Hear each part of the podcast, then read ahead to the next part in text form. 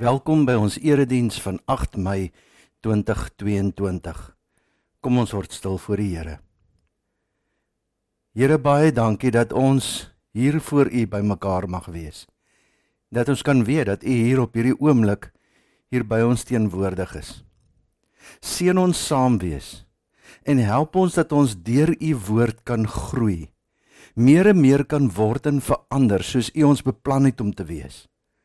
Ja Here, ons weet al ons lewensdae is in die boek opgeskrywe nog voordat ons gebore is en dit gee vir ons 'n oorweldigende vrede. Dankie dat ons kan weet U hou vir ons vas in alle omstandighede, in goeie tye, swaar tye, gelukkige tye en hartseer tye. Help ons dan Here dat ons 'n ontmoeting met U sal hê vanoggend. Help ons dat ons U sal ervaar.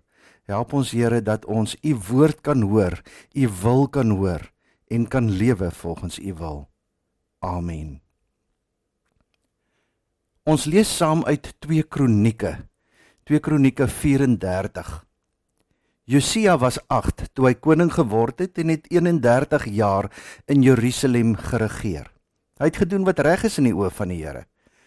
Hy het die pad van sy voorvader Dawid geloop en daar nie links of regs van afgewyk nie.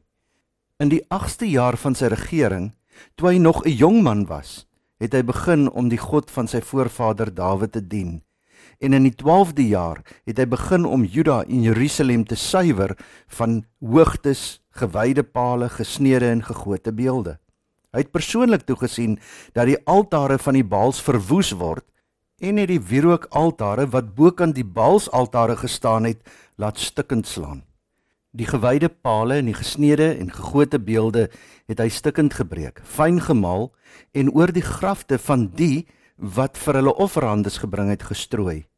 Die bene van die afgodspriesters het hy op hulle eie altare laat verbrand. So het hy Juda en Jerusalem skoon gemaak en ook die stede van Manasse, Efraim en Simeon tot by Naftali en ook die ruïnes van die omgewing. Hy het dwars oor die gebied van Israel altare afgebreek, gewyde pale en beelde in stukkies gekap en al die wierookaltare stukkend gebreek. Daarna is hy terug Jerusalem toe. Vers 10: Geld is toegegee aan die mense wat vir die werk aan die tempel moes sorg en dit het gebruik vir die heropbou en herstel van die gebou. Hulle het die geld vir die vakmanne en bouwerkers gegee om gekapte klip en balke te koop en die vertrekke wat onder die konings van Juda in verval geraak het weer op te bou. Vers 14. Terwyl hulle die geld wat vir die huis van die Here ingebring is uitgehaal het, het die priester Gekilja die boek gekry met die wet van die Here wat deur bemiddeling van Moses aan Israel gegee is. Vers 16. Safan het dit na die koning toe geneem en ook aan die koning verslag gedoen. Alles wat aan u amptenare opgedraas is gedoen. Die geld wat in die tempel beskikbaar was, is uitgetel en oorhandig aan die opsigters en aan die mense wat die werk moet uitvoer.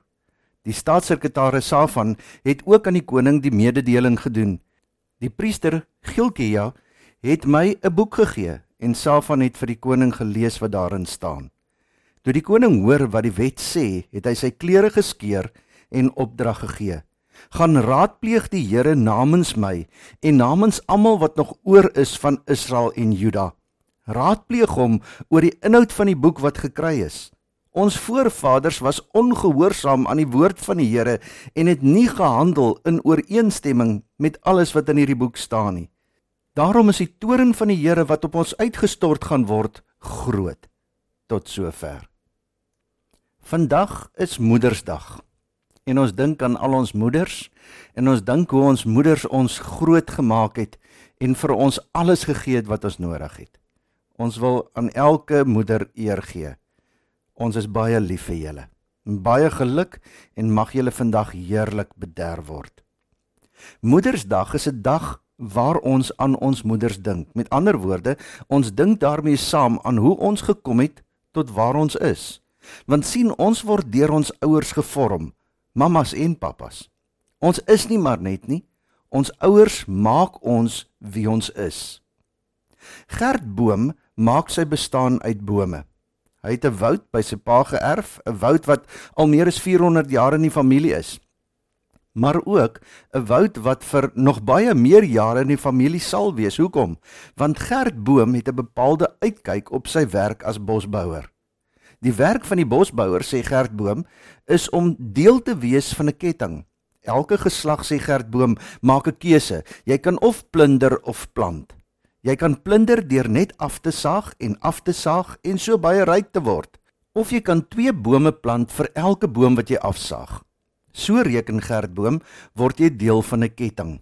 Hy saag bome af wat deur sy oupa geplant is en die bome wat hy plant sal deur sy kinders se kinders afgesaag word. Afhanklik van die verlede en verantwoordelik vir die toekoms. Nes ons broers en susters, ons is afhanklik van die verlede en ons is verantwoordelik vir die toekoms. Ook ons het almal 'n woud geërf. Ook ons is gebore in 'n woud wat ons nie geplant het nie en ons kan met ons woud maak net soos wat ons wil. Maar daarby kom ons later. Kom ons begin eers by ons elkeen se woud, die erfenis wat aan ons elkeen nagelaat is. Hoe lyk die woud wat jy geërf het? Party van ons sal dadelik sê ek is baie trots op die woud wat ek geërf het, want in die woud wat ek geërf het staan daar pragtige bome vol beginsels. Daar is bome van ongelooflike liefde. Bome wat iets sê van dit wat ek by my ouers en voorouers geleer het. Daar is bome van gebed, bome van vaste oortuigings, bome vol lewenswaarhede, bome van beskerming, bome as voorbeelde van dit wat ware liefde, vergifnis, bystand en sorg is. Ander van ons weer se familiestamboom lyk dalk nie so goed nie. Want in ons woud staan bome van armoede, skande, onvergewensgesindheid, verwyte en mishandeling. Die grond in ons woud is dalk net geplunder. Oeste is afgehaal en niks is weer geplant nie.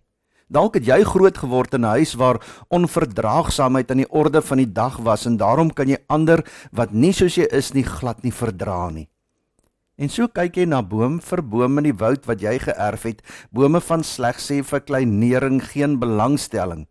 Jy sien dalk bome van te hoë eise stel, geen vergifnis, geen liefde, geen ondersteuning. Daarom jou woud veroorsaak dalk meer pyn as inspirasie en jy is dalk nie trots op jou erfenis nie. Jy is dalk skaam oor die woud wat jy geërf het en jy wens dat jy dit wat oor is so te in die grond kan afbrand dat dit nooit weer 'n effek op jou sal hê nie. Ek weet van iemand wat so gevoel het oor die woud wat hy geërf het. Wat hierdie man geërf het was tragies. Sy oupa was 'n moordenaar wat sy eie kinders ook misbruik het. Sy pa was gewetenloos en het selfs kerke afgebrand en almal wat geglo het gespot oor hulle sogenaamde geloof. In sy oupa en pa se tyd is siektes behandel deur towenaars. Mense het eerder die sterre as god aanbid en geglo in horoskope. Hulle het meer aandag gegee aan bygeloof en towery as aan die opvoeding van hulle kinders inderdaad 'n donker tyd om in gebore te word.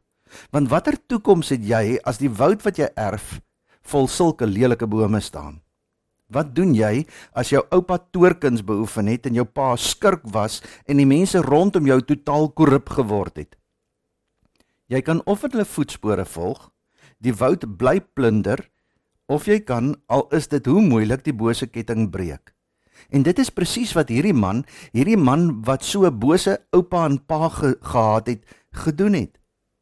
En sy verhaal is so merkwaardig dat ons dit vandag 2600 jaar later nog steeds oor vertel. Hierdie man se naam was koning Josia. Ja, die wêreld het beslis al slimmer, ryker en magtiger konings as Josia geken, maar nog nooit 'n dapperder koning as Josia nie. So wat 600 jaar voordat Jesus Christus gebore is, is hierdie man gebore. Wat hy geërf het, was 'n wankelrige troon en 'n glanslose kroon. Die tempel, die kerk was in flenters. Die wetboek, hulle Bybel kon nêrens gevind word nie en die volk het elke god aanbid wat hulle hart begeer het. Maar aan die einde van Josia se regering van 31 jaar was die tempel herbou, die afgode vernietig en die wet van God weer in ere herstel. Die ketting was gebreek, die woud was teruggeëis. Hoe het Josia dit reg gekry? Josia se oupa, koning Manasse, was bekend as die koning wat Jerusalem van hoek tot kant met bloed van onskuldige mense gevul het. En Josia se pa, koning Amon, was so geweldenaar dat hy deur sy eie mense vermoor is. Op sy grafsteen het daarom ook gestaan: Hy het gedoen wat verkeerd was in die oë van die Here. Wat 'n getuienis teen jou as daar op jou grafsteen sou staan: Hy het gedoen wat verkeerd was in die oë van die Here. Onder hierdie omstandighede word Josia koning. 2 Kronieke 34 van vers 3 af sê: In die 8ste jaar van sy regering Toe hy nog 'n jong man was, het hy begin om die God van sy voorvader Dawid te dien. En in die 12de jaar het hy begin om Juda en Jerusalem te suiwer van hoogtes, gewyde palle, gesnede en gegote beelde. Josia besluit om op te hou plunder en eerder te plant. En dit alles begin op die oomblik toe Josia vir God begin dien het. Jy kan net plant en bou en herstel as jy vir God dien. Josia het deur die woud wat hy geërf het gaan stap en gaan soek na 'n boom wat navolgenswaardig was. Die boom van sy pa en sy oupa het hy se muur oorgeslaan. En toe hy uiteindelik so ver terugsoek as tot by die boom wie se naam Dawid was, het hy besluit ek gaan soos hy wees. En omdat Josia vir Dawid as voorbeeld gekies het, het dinge begin verander. Ons lees dat hy persoonlik toegesien het dat al die afgodsaltare afgebreek is. Hy het al die gewyde palle en beelde stikkend gebreek en fyn gemaal en die bene van die afgodspriesters het hy laat verbrand. Josia was nie daarop uit om vriende te maak nie. Nee, hy was daarop uit om 'n stelling te maak. Ek hang nie die leer en lewe van my voorvaders aan nie. Ek verwerp alles waarvoor my pa en oupa gestaan het. Hoekom? Want op hulle grafstene staan, hy het gedoen wat verkeerd was in die oë van die Here. En nog was Josia nie klaar nie. 4 jaar later het hy begin om die tempel, die kerk te herbou. En so terwyl die tempel reggemaak word, word die wetboek wat meer as 1000 jaar tevore aan Moses gegee is, weer gevind. Die Bybel is nooit in sy pa of sy oupa se tyd as koning eers oopgemaak nie. Dit was weggebêre en het weggeraak. Het die Bybel dalk ook in jou verlede weggeraak en nie meer 'n rol gespeel in jou grootword nie? En toe Josia die wetboek vind en hoor wat daarin staan, was hy geskok en hy het gehuil. Hy kon nie glo dat die volk so ver van God afgedwaal het nie. En ook dit het Josia reggestel. Is dit nie ongelooflik nie? 'n Ganse geslag, 'n ganse volk word gered en deur God begenadig op grond van die optrede van een man. Op grond van een man se keuses en geloof het almal rondom hom kon kies en kon hulle glo. Dalk is jou en my verlede nie iets om oor te spog nie. Dalk kan jy in die woud van jou voorouers ook geen voorbeeld vind om te volg nie, maar selfs dit maak nie saak nie. Wat saak maak is dat ons elkeen vandag 'n keuse het. Jy kan plunder of plant. Jy kan of maak soos almal rondom jou of jy kan 'n verskil maak. Ons elkeen het 'n een eenvoudige keuse. Gaan ons bo ons verlede uitstyg en 'n verskil maak of gaan ons gebuk bly onder ons elkeen se verlede en bly soek na verskonings hoekom ons is soos ons is? Daar is dalk groot manne en vroue van God in jou verlede of dalk glad nie. Kom ons sit die familiestamboek neer en tel die Bybel op. Johannes 3 vers 6 sê wat uit die mens gebore is is mens, wat uit gees gebore is is gees. Wat wil hierdie versie vir ons sê? 'n Ware geestelike lewe van gehoorsaamheid kom van die Here van die Gees af. Jou ouers het jou dalk gene gegee, maar die Here gee genade. En deur God se genade kan jy glo en kan jy deur jou geloof 'n verskil maak. Galasiërs 4:7 Jy is nou kind van God en omdat jy sy kind is, het God jou ook erfgenaam gemaak. Nes Josia het van ons geen beheer oor die soort woud wat ons geërf het nie. Ons het egter beheer oor wat ons met die geërfde woud gaan maak. Want die verlede hoef nie 'n mens se tronk te wees nie. Jy het 'n keuse. Jy het 'n keuse oor jou lewe. Ons kies om te glo en deur ons geloof word ons kinders van God. En dan sê Efesiërs 5 vers 1, omdat julle nou kinders van God is en hy julle liefhet, moet julle sy voorbeeld volg. God word ons verlede, want Jesus Christus word aan die kruis ons verlede. Dit maak ons eie verlede eintlik niks seggend, maar God vra van jou dat jy jou hele toekoms aan hom sal gee. Vandag word jy opnuut weer in die woud van God geplant. As jou kinders eendag voor jou as boom kom staan, wat gaan hulle kry? Watter bome gaan ons in ons woud plant wat ons kinders eendag gaan erf?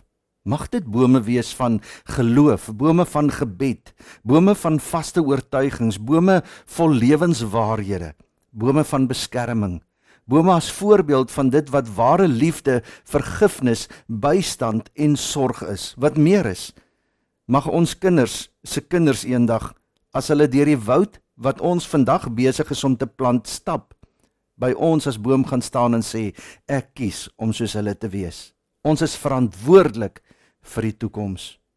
Amen. Ons Vader, ons weet dat ons niks kan doen aan ons verlede nie. Dit is verby. Gedane sake. Maar Here, U gee vir ons vandag sodat ons vandag kan kies en vandag in hierdie woud wat U vir ons gee kan plant. So kan plant dat ons kinders se kinders ook daaruit kan leer dat ons kinders se kinders vir God kan lief wees omdat ons nou vir God lief is. Dat hulle vir God sal kies omdat ons nou vir God kies. Dat hulle sal glo omdat ons nou glo. Here, dankie dat ons in U hande is en dat U vir ons lief is en dat U vir ons nooit alleen los nie. Help ons dat ons net soos Jesaja weer U wetboek sal soek, U woord sal soek en U wil sal doen omdat ons vir U lief is. Amen. Die Here sal julle seën en julle beskerm. Die Here sal tot julle redding verskyn en julle genadig wees. Die Here sal julle gebede verhoor en aan julle vrede gee.